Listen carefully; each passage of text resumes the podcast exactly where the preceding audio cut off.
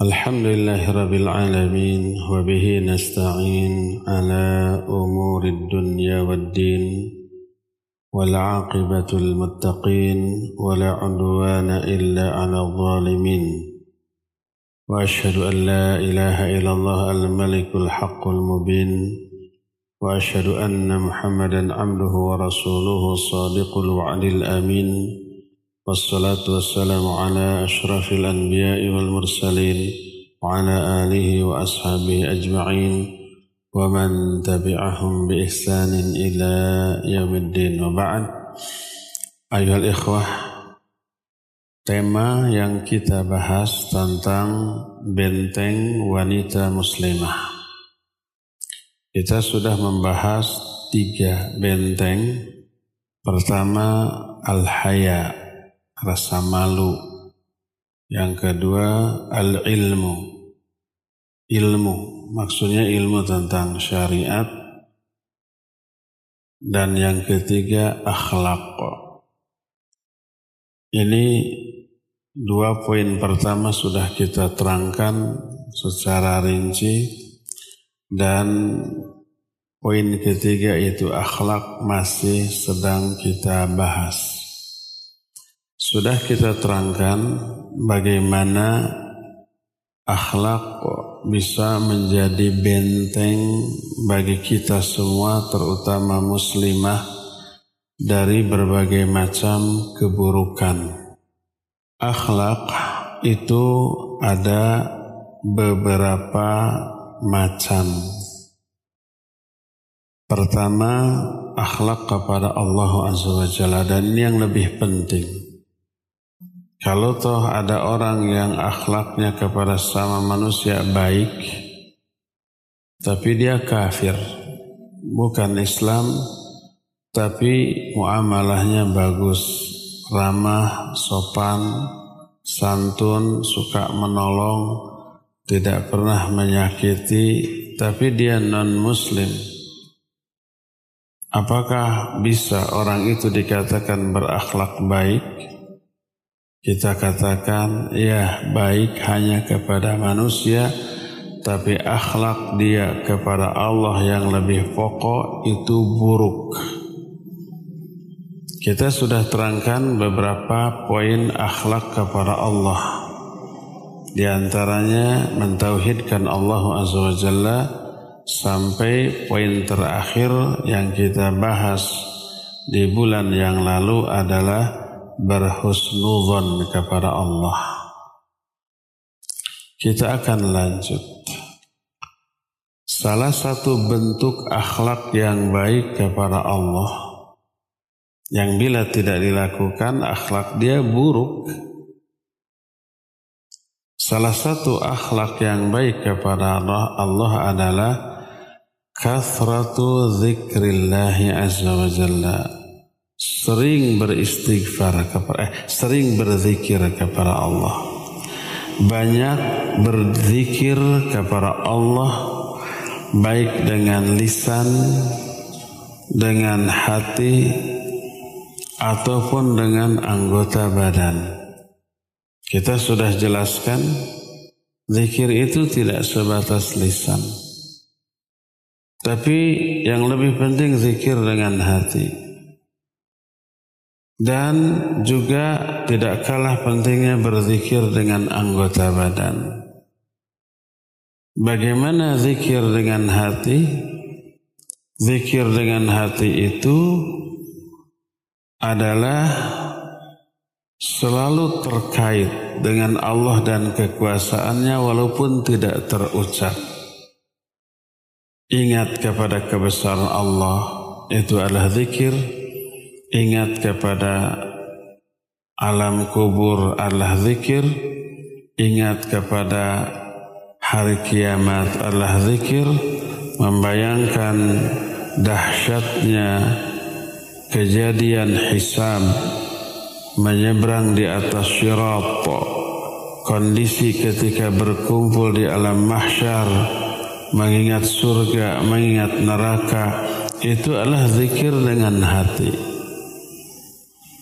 kalau zikir dengan lisan ya ada gerakan bibir, baik menyebut nama Allah, memohon ampunan kepada Allah, tasbih, tahmid, istighfar, takbir, tahlil, baca Al-Quran, berdoa, itu semua zikir dengan lisan.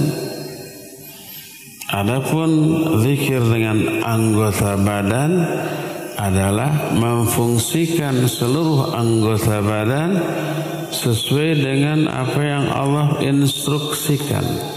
Makanya disebut wa dzikrul ainaini al buka min khasyatillah.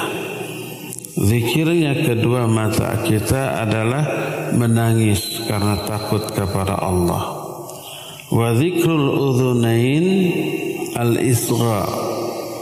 Adapun zikir dengan kedua telinga adalah mendengarkan, mendengarkan bacaan Al-Quran, mendengarkan pedaran ilmu, tausiah, wajangan, dan yang sejenisnya, dan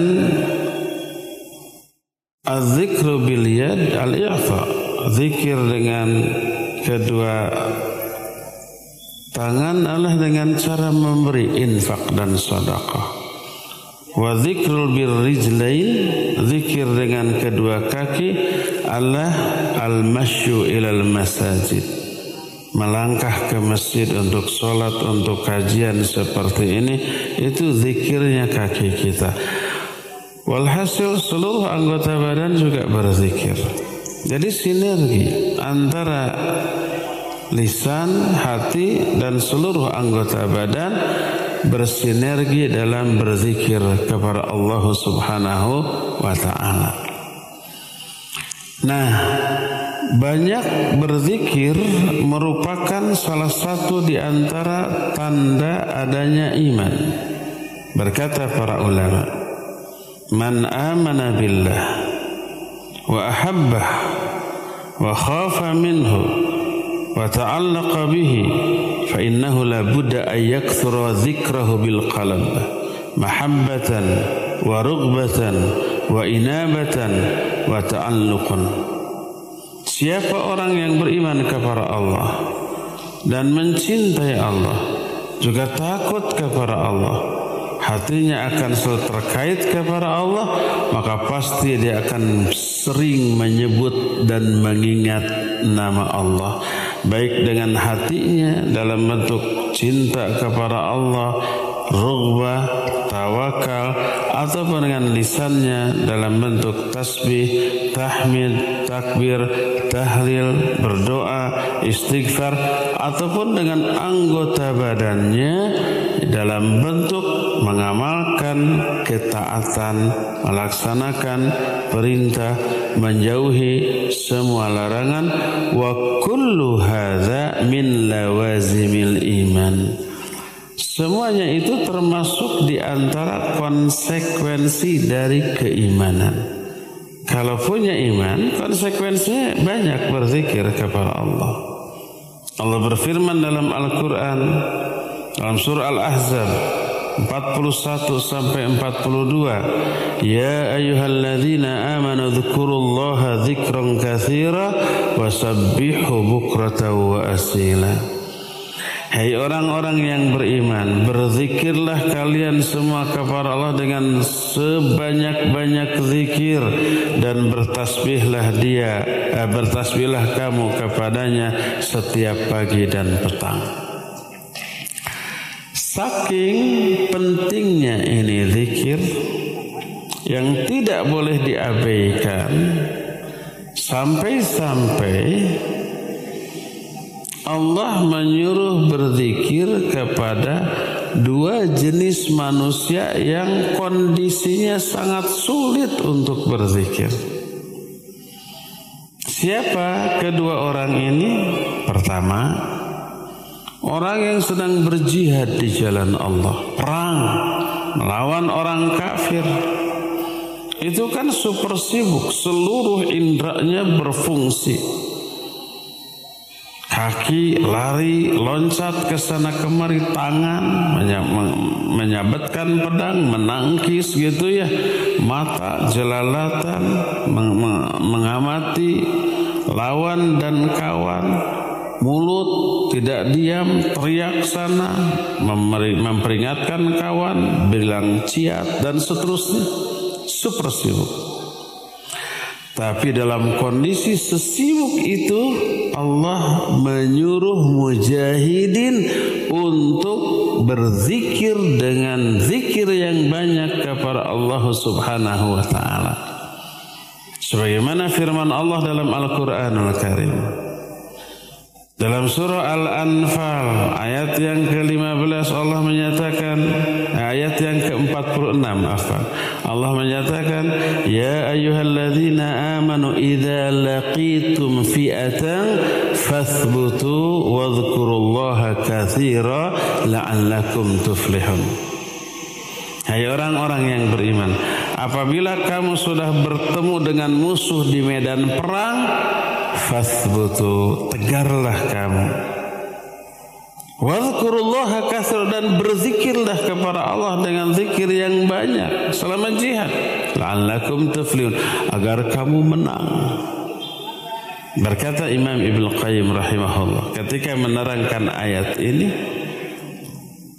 kata beliau seandainya Zikir tidak memiliki perang pengaruh terhadap kemenangan perang, niscaya Allah tidak akan menyuruh mereka untuk berzikir di saat yang super sibuk tadi.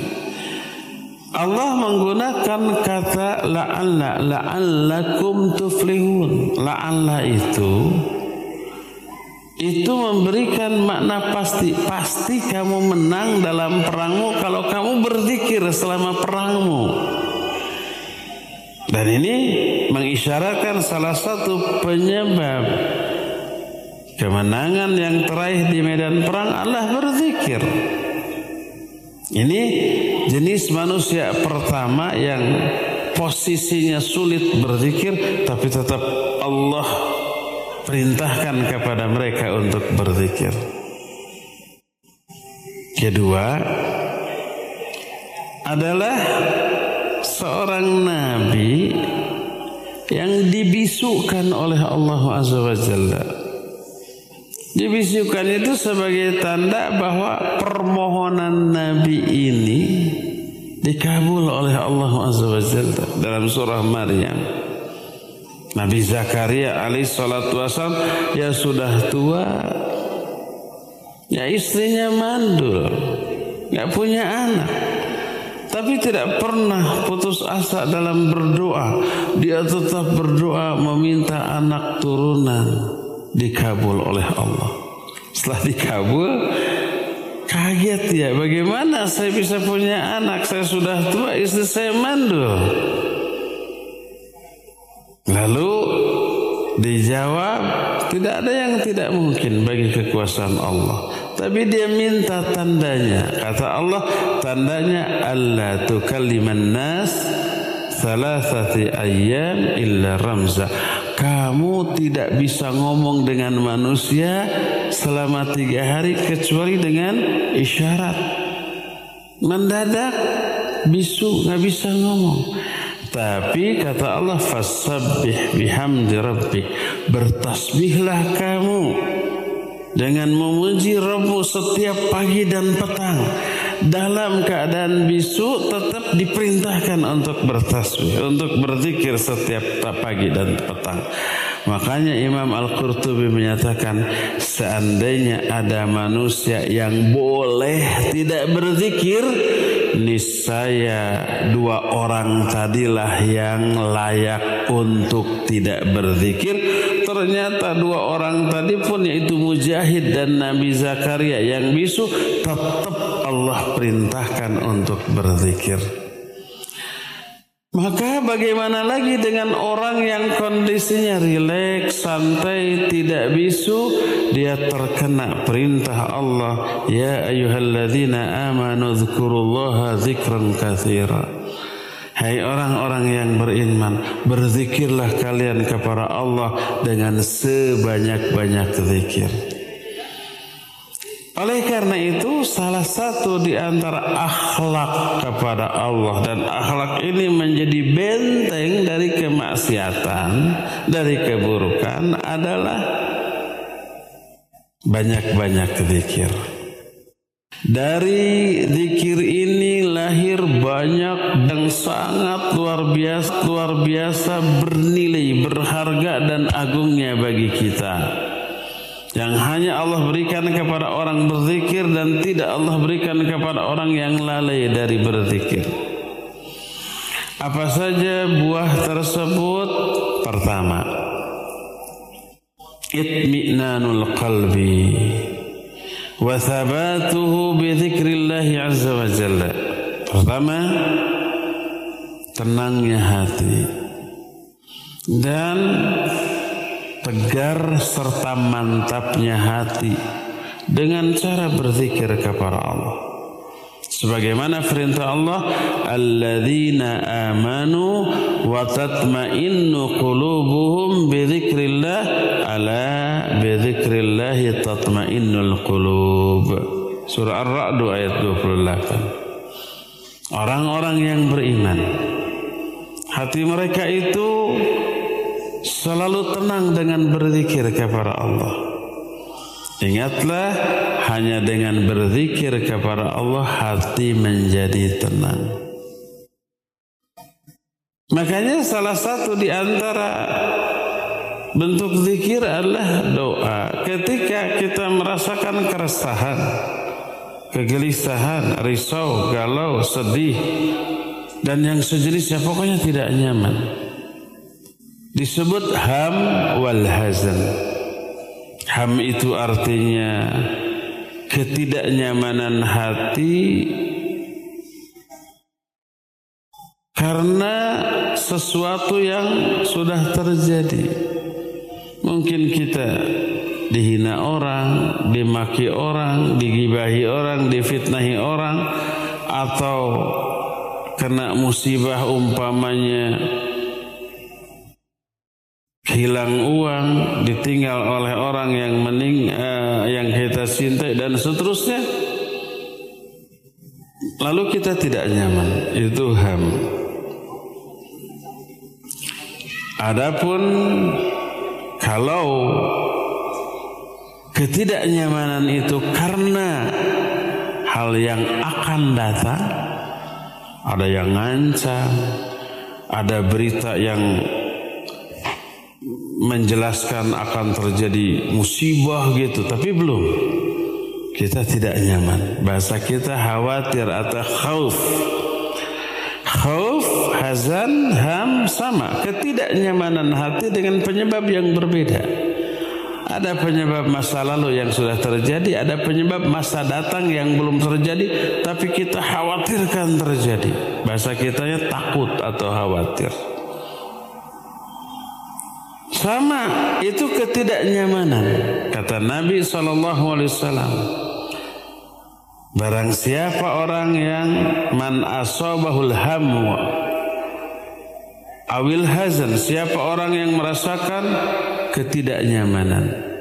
Baik keresahan, kegelisahan, kesedihan, ketakutan. Kemudian dia berdoa. Dengan doa Allahumma inni amduka wa ibnu amdika wa ibnu ammatika nasiyati biadik madin fiya hukmu dan seterusnya sampai inni as'aluka bi kulli ismin alladhi samaita bihi nafsak. Ya Allah sesungguhnya aku hambamu anak dari hambamu anak dari hamba perempuanmu. Ubun-ubunku berada di dalam genggamanmu.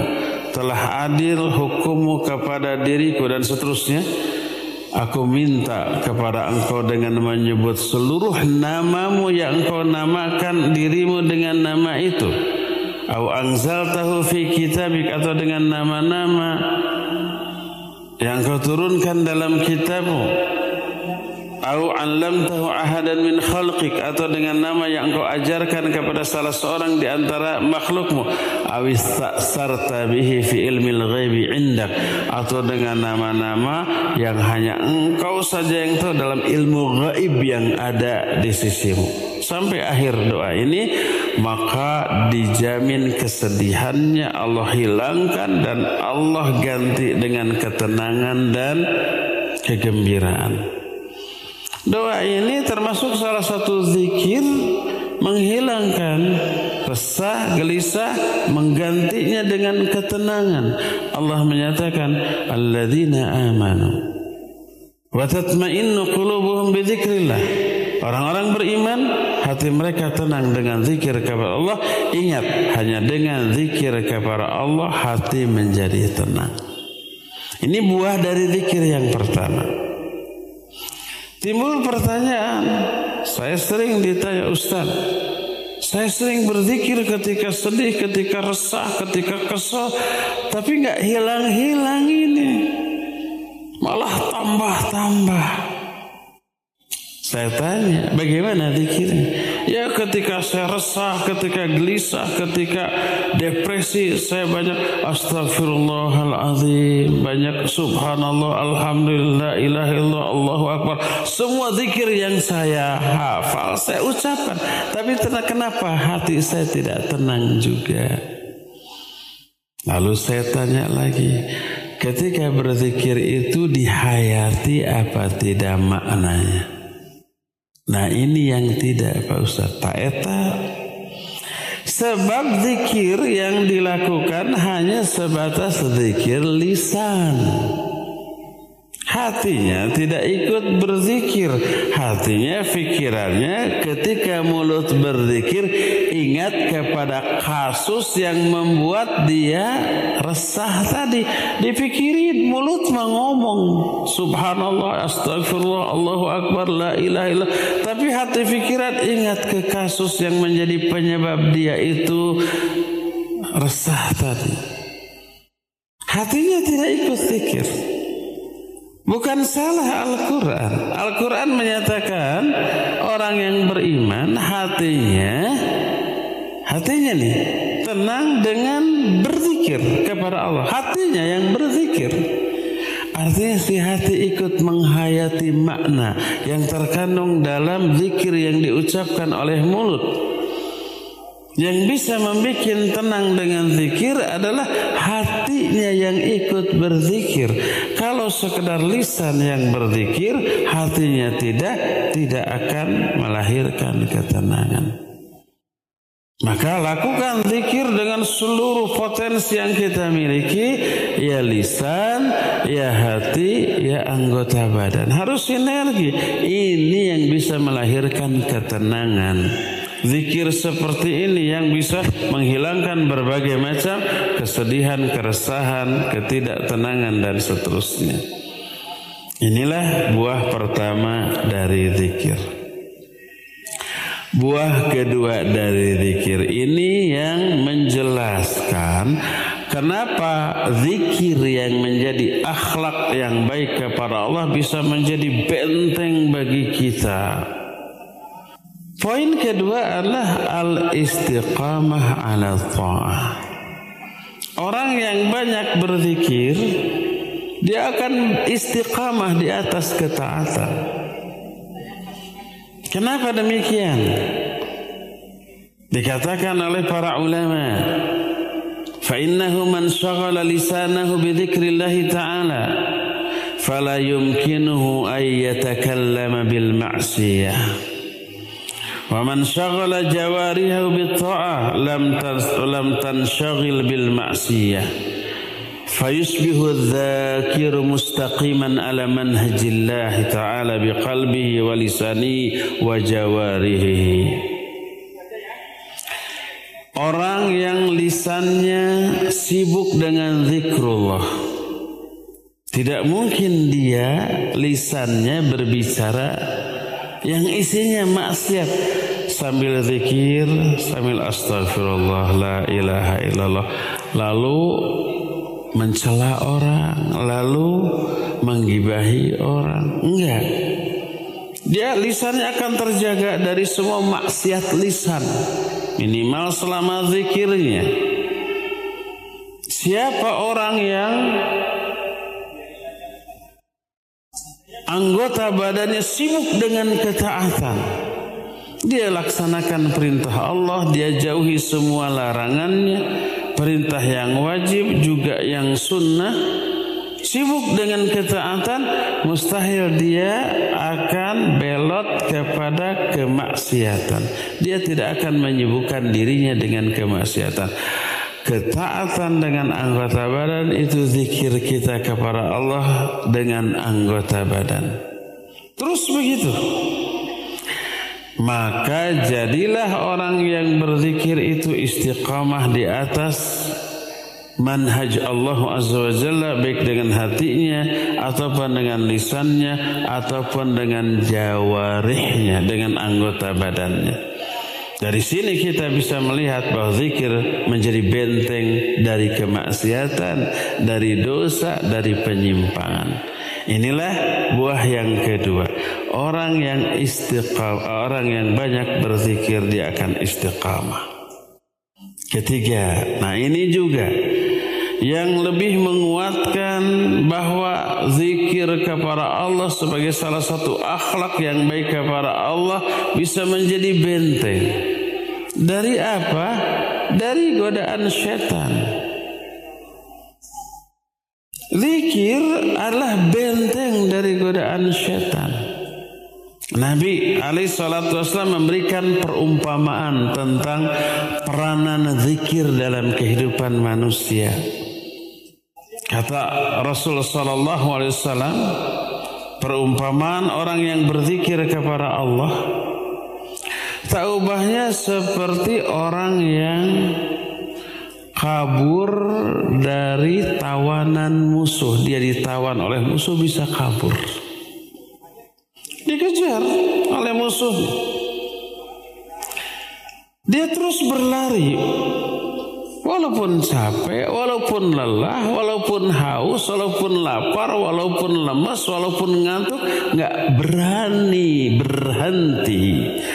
Sedikit berhenti, kekejar, disergap, babak belur lagi, ditawan lagi, tak mustahil dibunuh. Ya enggak? Dia terus berlari walaupun lelah, capek, ngantuk, lemas, lapar, tidak dipedulikan, terus berlari. Karena dia tidak merasa aman dari kejaran musuh apabila dia berhenti. Bahkan larinya juga sekencang mungkin kalau berjalan santai ah, bisa kesergap tuh. Sampai dia masuk ke sebuah benteng. Setelah masuk ditutup rapat itu benteng dan dijaga oleh penjaga benteng. Barulah dia merasa aman. Musuh nggak bisa masuk ke benteng itu. Jangankan masuk mendekat aja nggak bisa.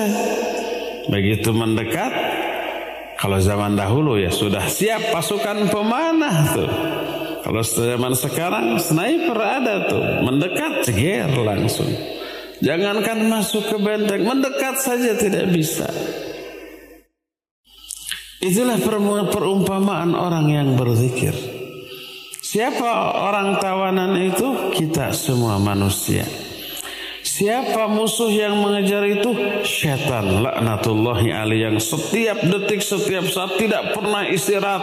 Terus memburu kita untuk memperdayai, menguasai kita dan benteng itu adalah zikir. Begitu masuk benteng, setan nggak bisa mendekat apalagi masuk. Oleh karena itulah maka zikir adalah benteng yang sangat kuat dari godaan setan. Salah satu di antara karakteristik setan yang oleh Allah dijelaskan dalam Al-Quran dalam surah yang paling akhir. Surah apa? surah An-Nas. Allah menyatakan minal alladhi yuwassisu fi sudurin nas sebelum itu qul a'udzu birabbin nas malikin nas ilahin nas min syarril waswasil khannas. Aku berlindung kepada Rabb manusia, ilah manusia, raja manusia. Dari apa? Min syarril waswasil khanas. Dari keburukan al-waswas al-khannas. Al-waswas al-khannas ini sebutan Allah untuk si setan. Al-waswas itu yang suka membisikkan, al-khannas itu yang suka bersembunyi. Setan itu melakukan serangan untuk memperdaya manusia yang kita kenal dengan sebutan hit and run. Jeger mukul, lari gitu ya. Jeger mukul pas mau dibalas, lari gitu. Dia bisa nyerang tapi tidak bisa diserang. Ini setan. Nah setan ketika manusia hatinya lalai dia menyerang mempengaruhi. Dan ketika manusia itu berzikir kepada Allah dia cepat lari sembunyi. Karena sering sembunyi datang lagi sembunyi lagi datang lagi sembunyi lagi.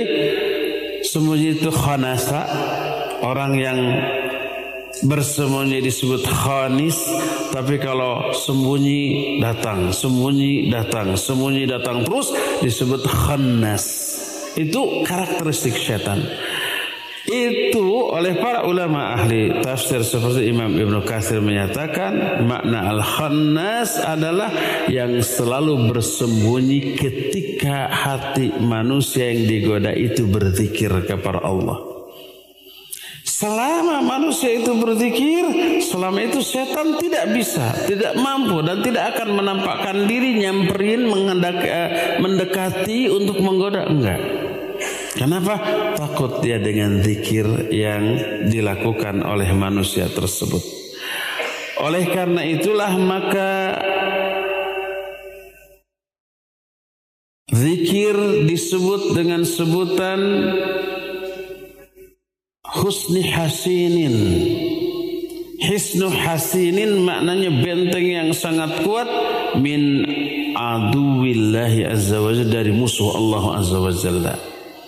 Makanya kita mengenal ada satu kitab kecil Kutaib isinya apa? Isinya kumpulan doa. Diberi judul oleh penulisnya dengan judul Hisnul Muslim. Susunan Syekh Sa'ad bin Wahab Al-Qahtani. Hafizahullah Ta'ala. Hisnul Muslim artinya benteng bagi seorang Muslim. Benteng yang kuat. Apa isi buku itu? Ternyata doa-doa harian. Zikir-zikir harian. Karena memang zikir itu merupakan benteng terkuat yang dimiliki oleh manusia dari godaan syaitan. Inilah buah yang ketiga dari zikir. Buah yang keempat dari zikir adalah Al-iktharu min fi'lil hasanat. Orang itu akan memperbanyak berbuat kebaikan. Zikir memberi motivasi untuk banyak berbuat kebaikan. Zikir mengundang turunnya hidayah Allah kepada kita untuk melakukan banyak kebaikan. Ketika menjelaskan poin ini para ulama menyatakan wadzalika لأن ذكر الله عز وجل من أعظم الأعمال الصالحات التي تقرب إلى الله تعالى وتكسب الحسنات. وقد ورد الكثير من الأثار في بيان أنواع أنواع آه، من الشواب الأنواع من الذكر وليس هذا موضع بسطها. Kenapa zikir bisa menyebabkan pelakunya memperbanyak berbuat baik? Karena zikrullah termasuk seagung-agung amal soleh yang bisa mendekatkan pelakunya kepada Allah. Kalau sudah dekat kepada Allah, Allah kasih hidayah. Allah kasih motivasi. Allah kasih umpamanya taufik. Coba perhatikan satu ayat. Di antara sekian banyak ayat. Ayat ini menjelaskan ucapan lisan yang baik termasuk zikir mengundang turunnya hidayah Allah. Ayat ini sering dibaca oleh para khatib di awal khutbahnya. Allah menyatakan, "Wa qulu qawlan sadida yuslih lakum a'malakum wa yaghfir lakum dhunubakum." Wa qulu qawlan ucapkan olehmu ucapan-ucapan yang baik Imam Ibn Kathir ketika menafsirkan ayat ini dikutip juga oleh Syekh Mukbil bin Hadi Al-Wadi dalam kitab Wasiyatil Nisa. Bahwa ucapan yang baik itu contohnya adalah belajar ilmu, mengajarkan ilmu, amar ma'ruf nahi munkar termasuk baca Al-Qur'an termasuk zikrullah. Zikrullah itu termasuk ucapan baik. Bahkan seagung-agung ucapan baik. Kata Allah, wa qulu qawlan sadid. Ucapkan olehmu ucapan-ucapan yang baik. Termasuk di antara zikir Lalu apa kata Allah? Yuslih lakum a'malakum. Allah akan mensolehkan amal-amal kamu. Makna mensolehkan kata Imam Ibnu Kathir ay yuwafiqkum lil a'mali solihah Allah akan memberi taufik kepada kamu untuk melakukan amal soleh. Dan ayat ini menerangkan ucapan yang baik apa pun bentuknya mengundang turunnya hidayah Allah untuk melakukan amal soleh. Karena berzikir kita jadi semangat melakukan ibadah dan kebaikan yang lainnya. Karena belajar ilmu, mengajarkan ilmu kita menjadi semangat untuk melakukan sholat, saum, baca Quran dan yang lain-lainnya. Karena zikrullah mengundang turunnya hidayah dari Allah Azza wa Jalla. Makanya salah satu di antara buah dari zikir adalah al-ikthar min fi'lil khairat wal hasanat dia akan memperbanyak melakukan berbagai macam kebaikan dan amal soleh. Itulah buah dari zikir yang keempat. Buah yang kelima. Zikrullah ta'ala wa ma'iyatu lil amdi. Salah satu di antara buah dari berzikir adalah ada timbal balik dari Allah. Allah akan berzikir juga kepada kita. Allah menyebut nama kita, Allah selalu ingat kepada kita, Allah selalu menolong kita selama kita berzikir dan menyertai kita selama kita berzikir kepada Allah Azza wa sebagaimana disebutkan dalam salah satu hadis qudsi. Sahih riwayat Imam Bukhari dan Imam Muslim dari Abu Hurairah radhiyallahu an. Allah berfirman ana inna dhanni abdi bi wa ana ma'ahu idza dzakarani fa in dzakarani fi nafsi dzakartuhu fi nafsi Wa in dzakarani fi mala'in dzakartuhu fi mala'in khaira minhum. Kata Allah, aku tergantung kepada prasangka hambaku kepada diriku. Dan aku akan selalu menyertai hambaku selama dia berzikir kepadaku. Bila dia menyebut namaku dalam dirinya, aku akan menyebut nama dia dalam diriku. Bila dia menyebut nama gua halakoh, kelompok, golongan, riungan, aku akan menyebut buat golongan yang lebih baik dari daripada golongan mereka. Maknanya itu dihadap itu dihadap itu dihadap golongan para malaikat golongan para malaikat. Dan ini yang disebut dengan solawat Allah kepada seorang hamba. Allah kan suka solawat kepada manusia ya. Inna Allah wa malaikatahu yusalluna ala Nabi bersolawat kepada Nabi.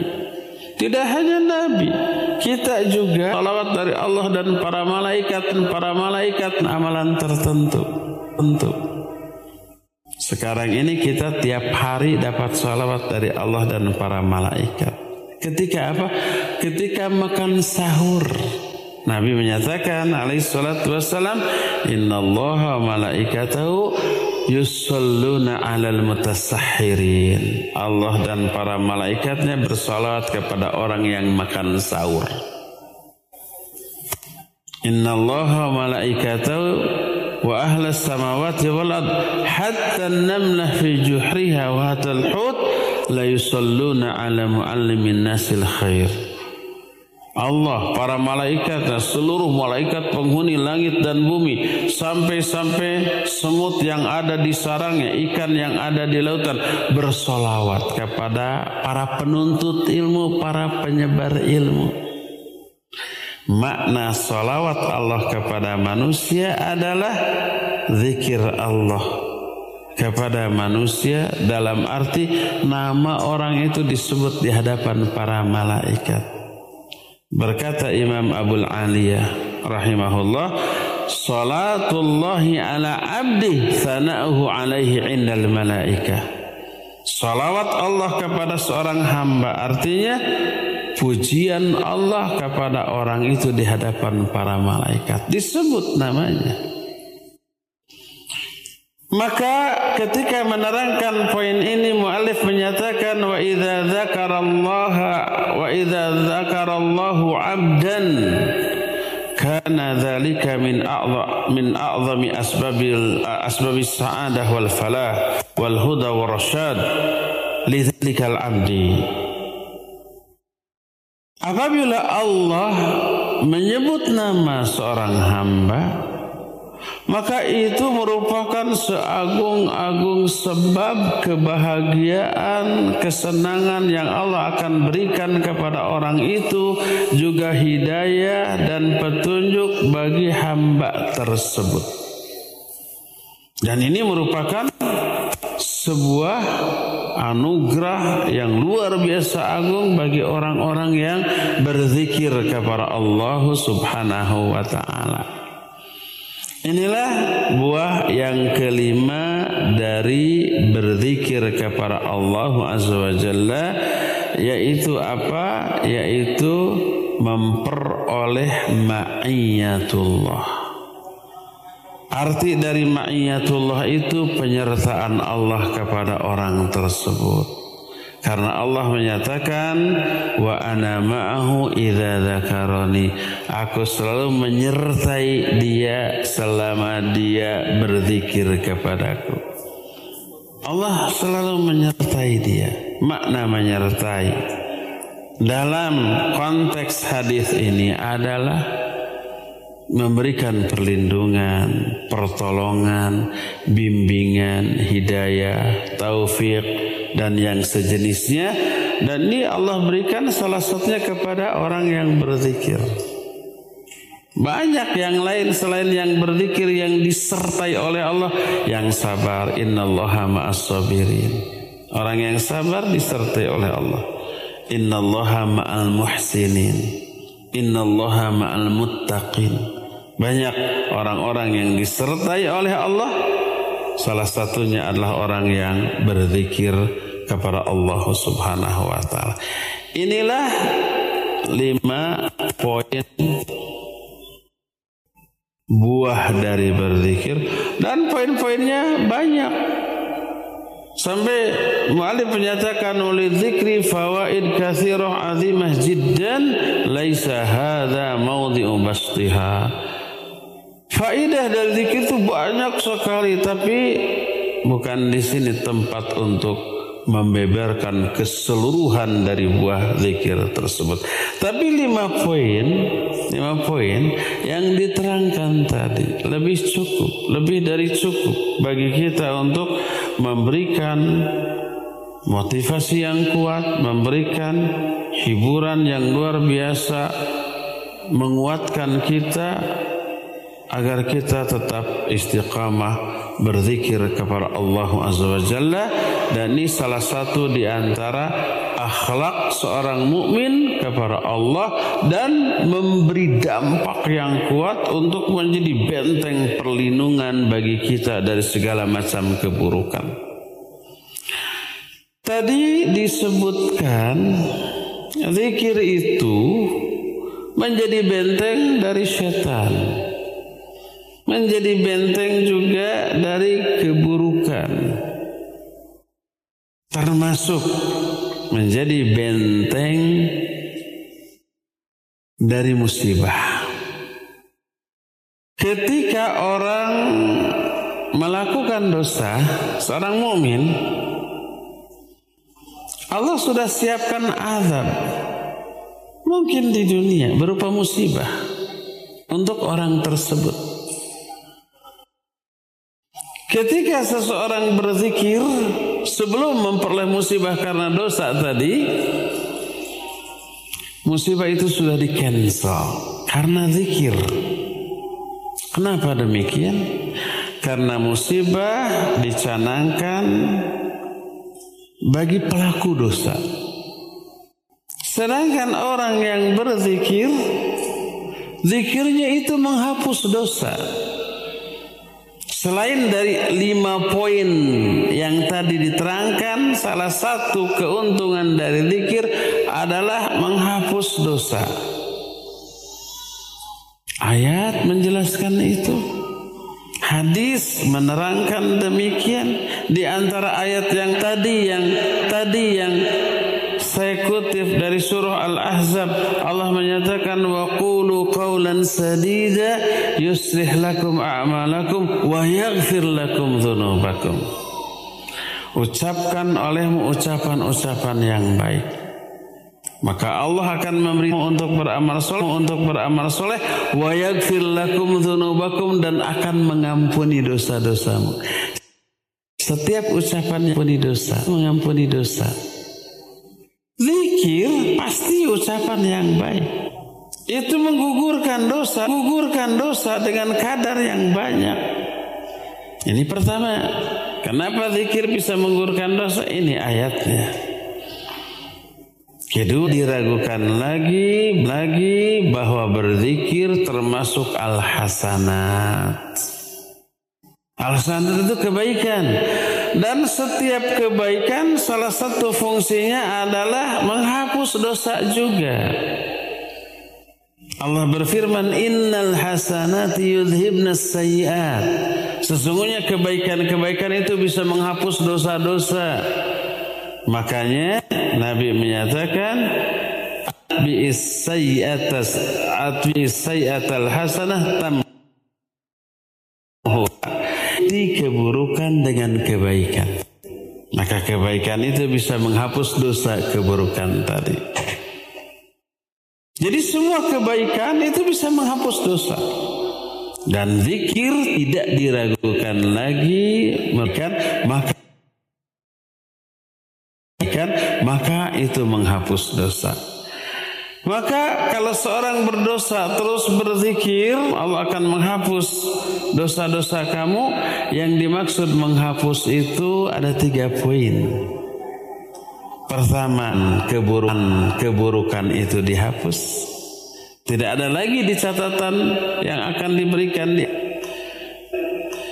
Kedua, azab yang tadinya akan diberikan kepada orang ini juga dihapus juga dihapus di cancel dan salah satu azabnya mungkin musibah yang akan Allah berikan di dunia di cancel nggak jadi itu.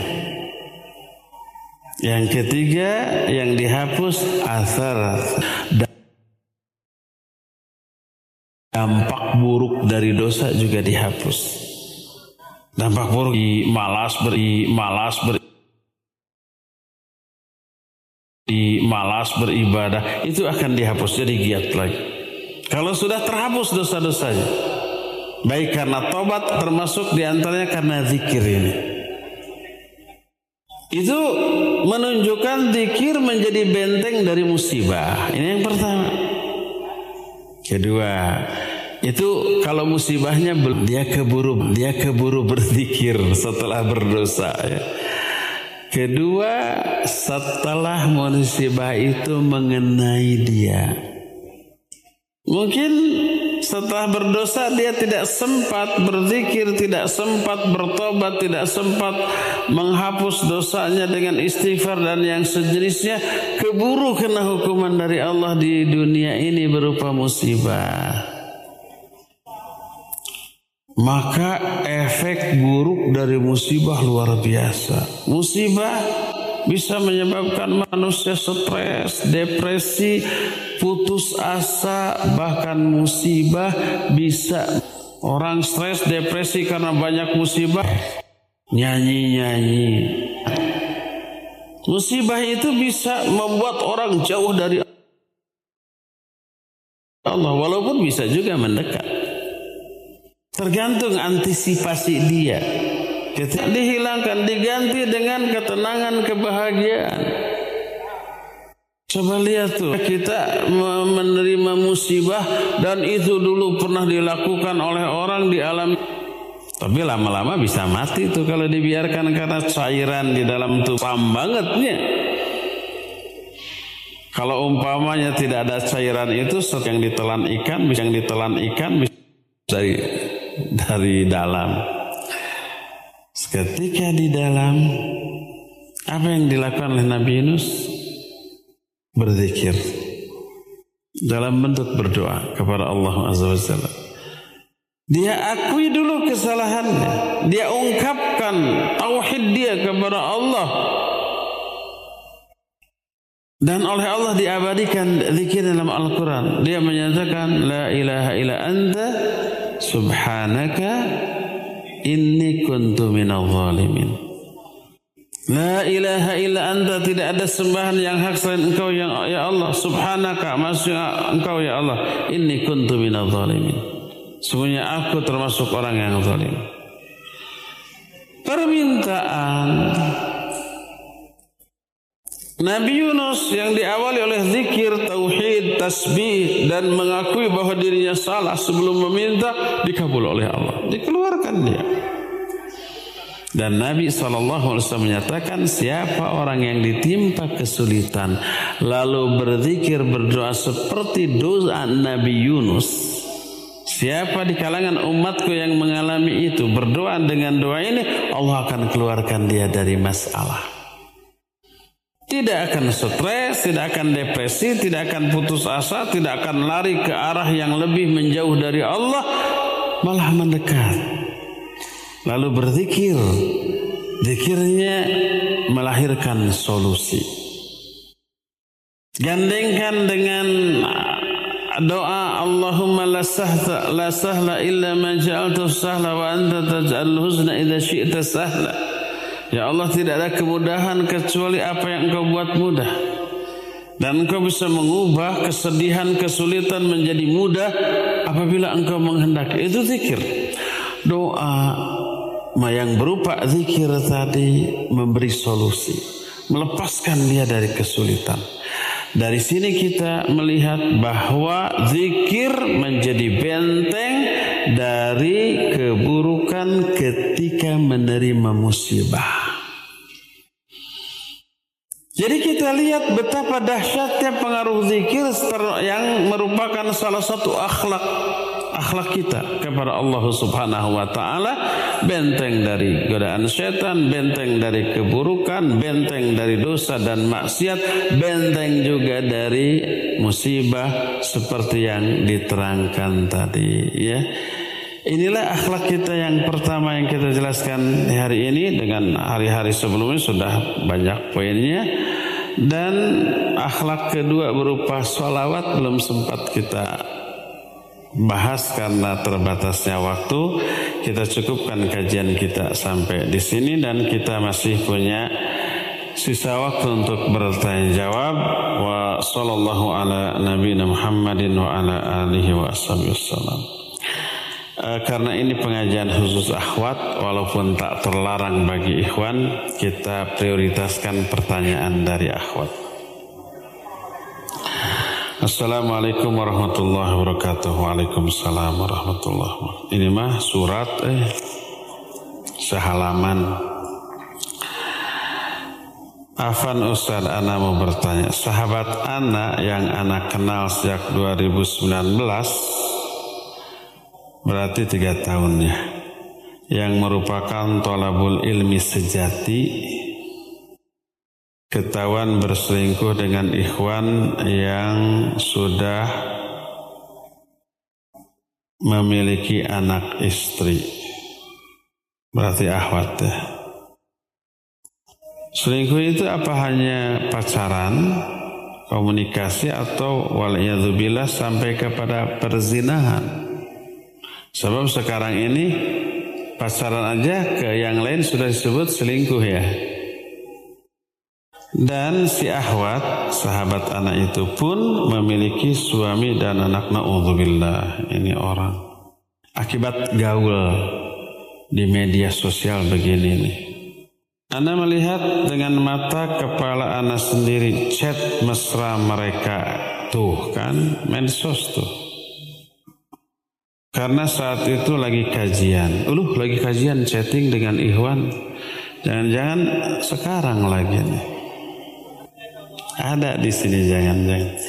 Dan sahabat anak lainnya juga tolabul ilmi beberapa kali memergoki mereka bertemu dan saling bertukar hadiah makanan dan minuman satu sama lain.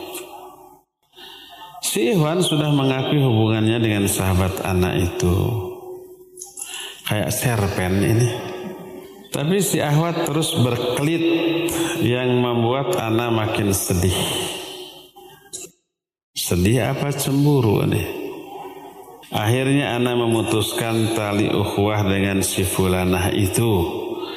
Karena suami anak, oh ini juga sudah nikah, melarang anak. Ana sangat kagum dengan penampilan zahir fulanah. Ustadz yang saya sangat tertutup Ana sangat kagum dengan penampilan Zohir Fulana, Ustaz yang sangat tertutup rapat. Maksudnya bercadar ya. Tapi kodarullah sifatnya seperti itu.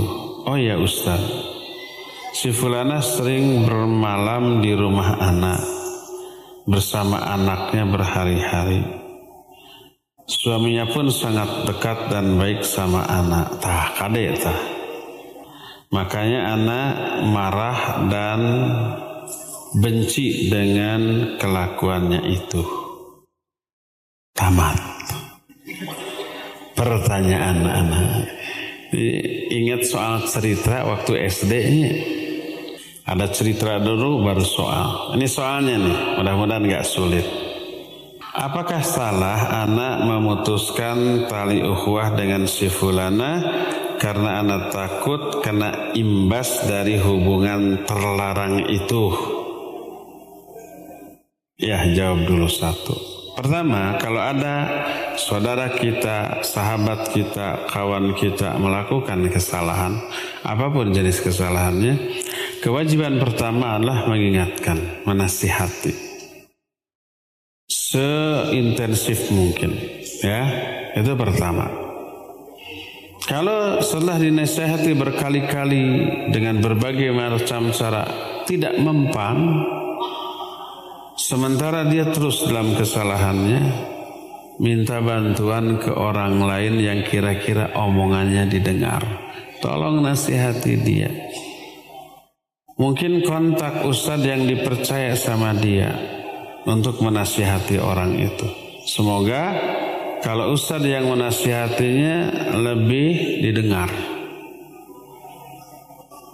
Kalau semua upaya itu tidak membuahkan hasil, sementara hubungan kita dengan dia kalau terus begitu bisa mempengaruhi kita. Awalnya kita benci, lama-lama dengar cerita, eh selingkuh itu seru loh, asik loh. Tahu nggak di belakang eh, bak truk itu suka ada tulisan perawan memang menantang,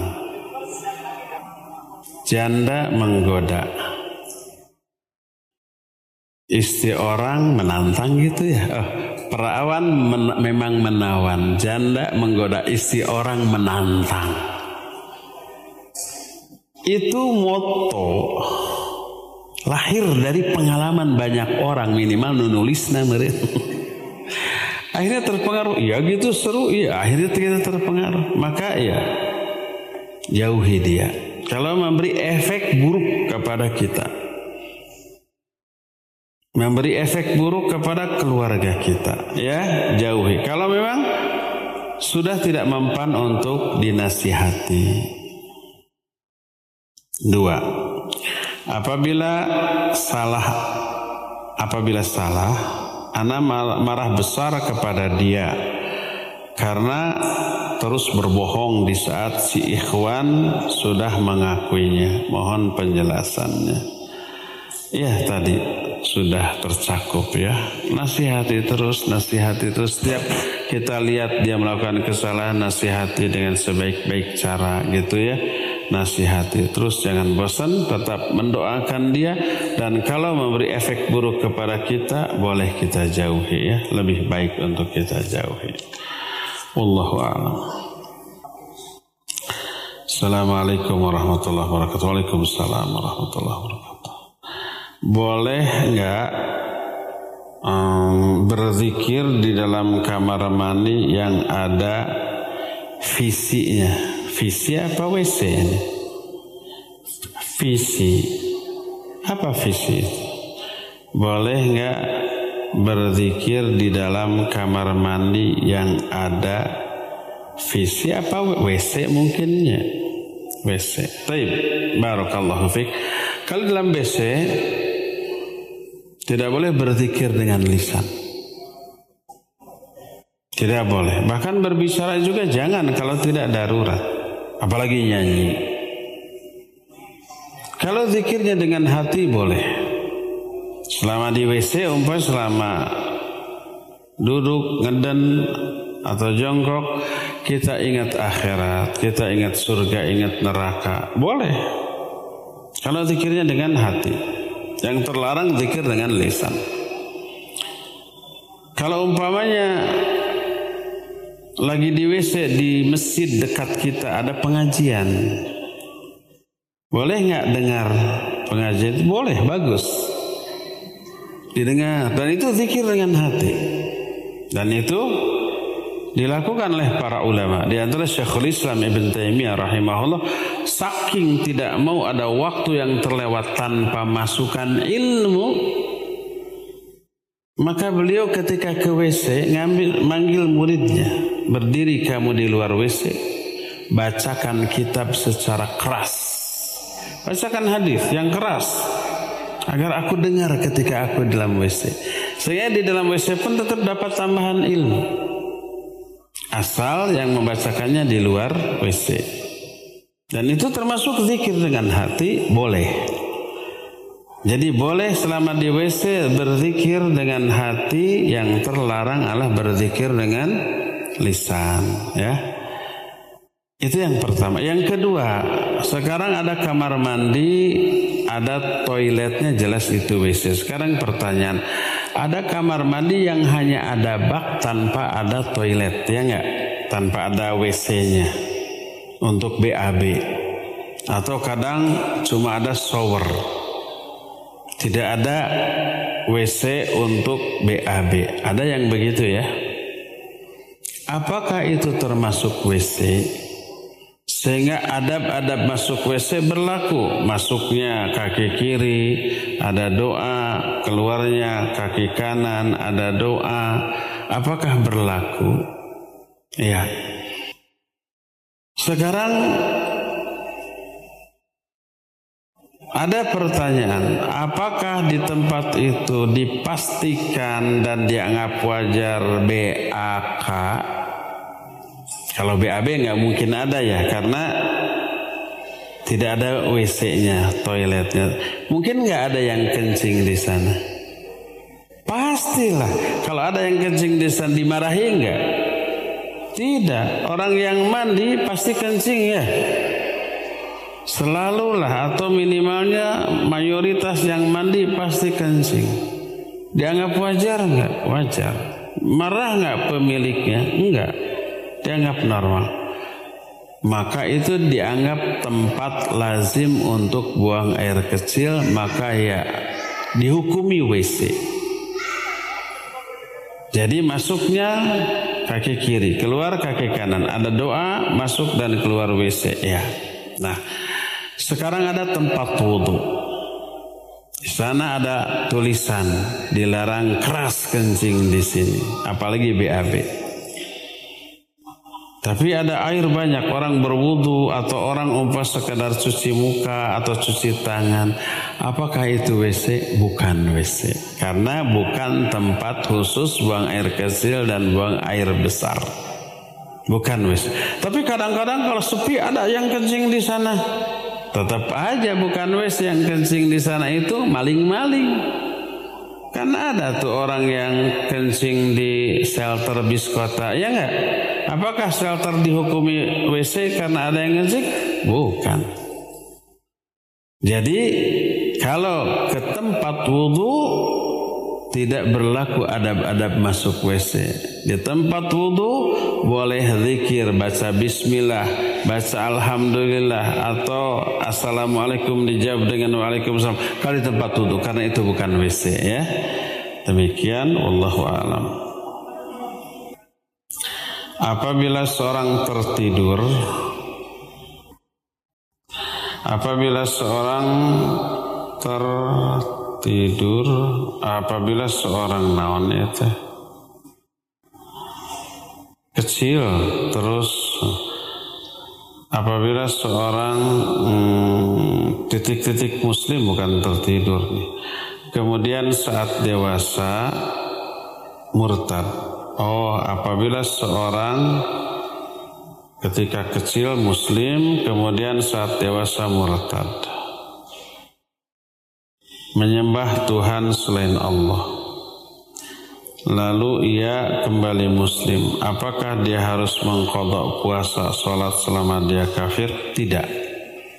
Cukup dia bertobat, tidak akan murtad-murtad lagi dan kewajiban sholatnya, saumnya yang dia tinggalkan selama dia kafir tidak harus dia kodok. Bagaimana tata cara kodok sholatnya? Nggak perlu. Apakah kita harus selalu mempunyai wudhu ketika berzikir? Tidak. Ketika berzikir, walaupun dengan lisan tidak harus punya wudhu. Kapan saja ya, boleh. Apakah boleh membaca zikir pagi petang sambil mengerjakan pekerjaan rumah? Boleh. Berzikir boleh sambil apa pun, duduk, berdiri, berbaring atau mengerjakan apa pun karena Allah menyatakan alladzina yadhkurunallaha qiyaman wa qu'udan wa 'ala junubihim wa yatafakkaruna fi khalqis samawati wal ard. Ulil albab adalah orang yang selalu berzikir baik ketika berdiri, duduk ataupun berbaring. Terus ayat yang tadi orang yang sedang berjihad di jalan Allah pun disuruh untuk banyak berzikir dan itu tidak mungkin sambil diam bahkan belum tentu sambil menghayati zikirnya ya karena harus konsentrasi di medan perang dan itu semua menjadi dalil boleh berzikir sambil beraktivitas selama aktivitasnya tidak merendahkan zikir yang sedang dilakukannya. Aktivitasnya tidak sedang di WC ngeden gitu ya. Terakhir ya. Bolehkah berzikir sambil mengerjakan pekerjaan? Misal udah sama sehatin.